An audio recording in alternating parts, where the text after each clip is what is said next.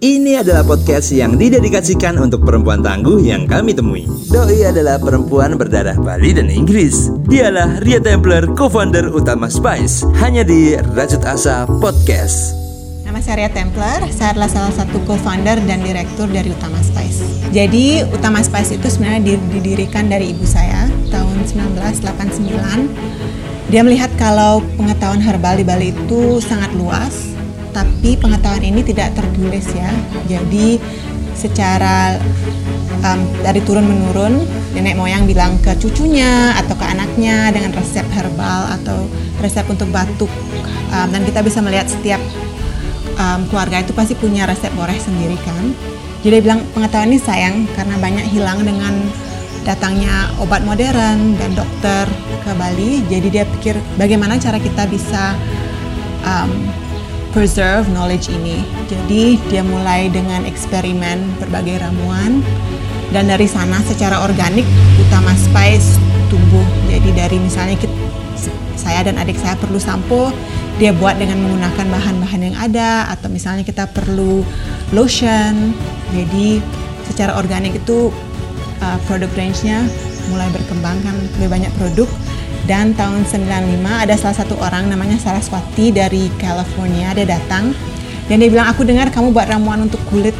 Aku pengen beli 25 setiap macam. Dan dari sana ibu saya punya bayangan oh ini bisa jadi company. Nah tahun 2000 kita registrasi sebagai PT setelah itu um, ibu saya juga melihat kalau banyak kalangan wanita di Bali um, seperti terlantarkan. Aku bilang mereka seperti second class citizen jadi ibu saya bilang bagaimana kita buat company yang bisa membantu support wanita-wanita ini. Jadi tahun 2000 kita registrasi sebagai PT dan kita juga buka perusahaan um, lebih formal lah. Dan kebanyakan kita hire adalah wanita untuk bantu mengangkat komunitas.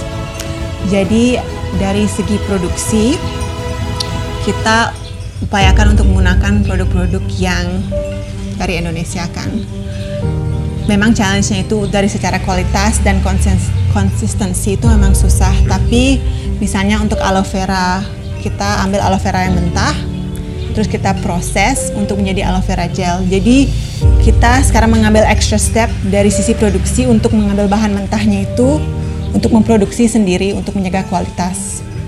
Jadi we always take the extra step untuk memastikan um, dan juga dari mengupayakan bahan-bahan yang traditionally Indonesian um, kita buat insentif untuk petani untuk menanam misalnya jahe Bali dibanding jahe yang dari Jawa dan kita beli dari mereka dan kita gunakan di produksinya kita.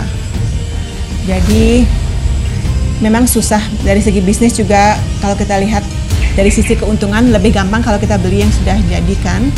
Tapi karena kita mau mengupayakan sumber daya alam terutama dari Bali dan Indonesia, kita go the extra step untuk namanya pre-production. Jadi ya beli bahan mentah, kita proses sebelum kita gunakan di misalnya aloe vera gel kita gunakan di body butter, di lotion seperti itu. Jadi going the extra step.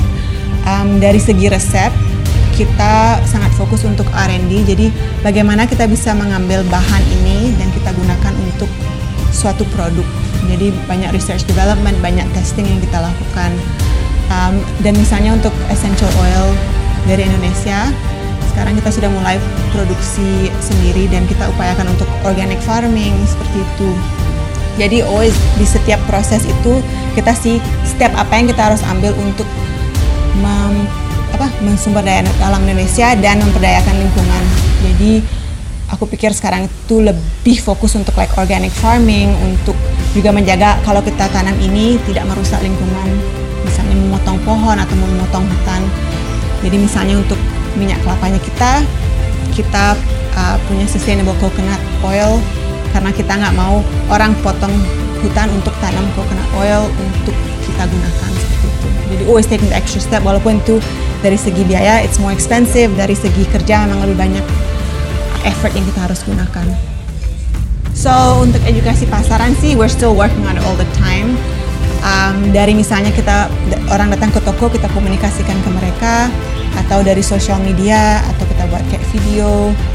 Um, dan juga aku lihat kalau customer yang pernah beli produk lain terus coba produk kita mereka tahu oh ini bedanya dari segi kualitas.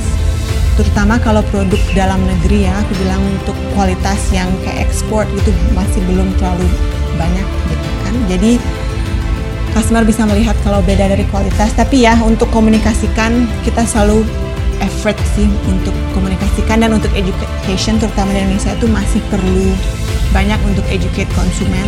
Dengan bedanya misalnya minyak kelapa virgin coconut oil sama minyak kelapa biasa seperti itu. Dan juga terutama untuk essential oil kan di Indonesia banyak sekali ada yang jual aromaterapi tapi aromaterapi itu nggak selalu essential oil asli.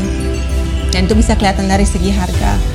Dan dari kami itu memang kita harus benar-benar mengeducate oh ini essential oil alami maka dari situ harganya lebih mahal dan aromanya berbeda seperti itu.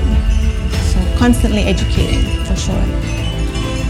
Um, for me aku mau bangun pabriknya kita. Jadi kita baru, baru beli tanah. Jadi aku mau hopefully soon kita bisa bangun pabrik sendiri. And um, dari pabrik itu aku mau menggunakan eksperimen untuk like eco sustainable building.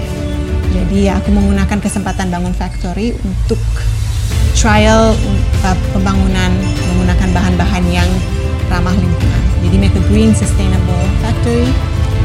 Terus aku juga mau lebih fokus untuk environment.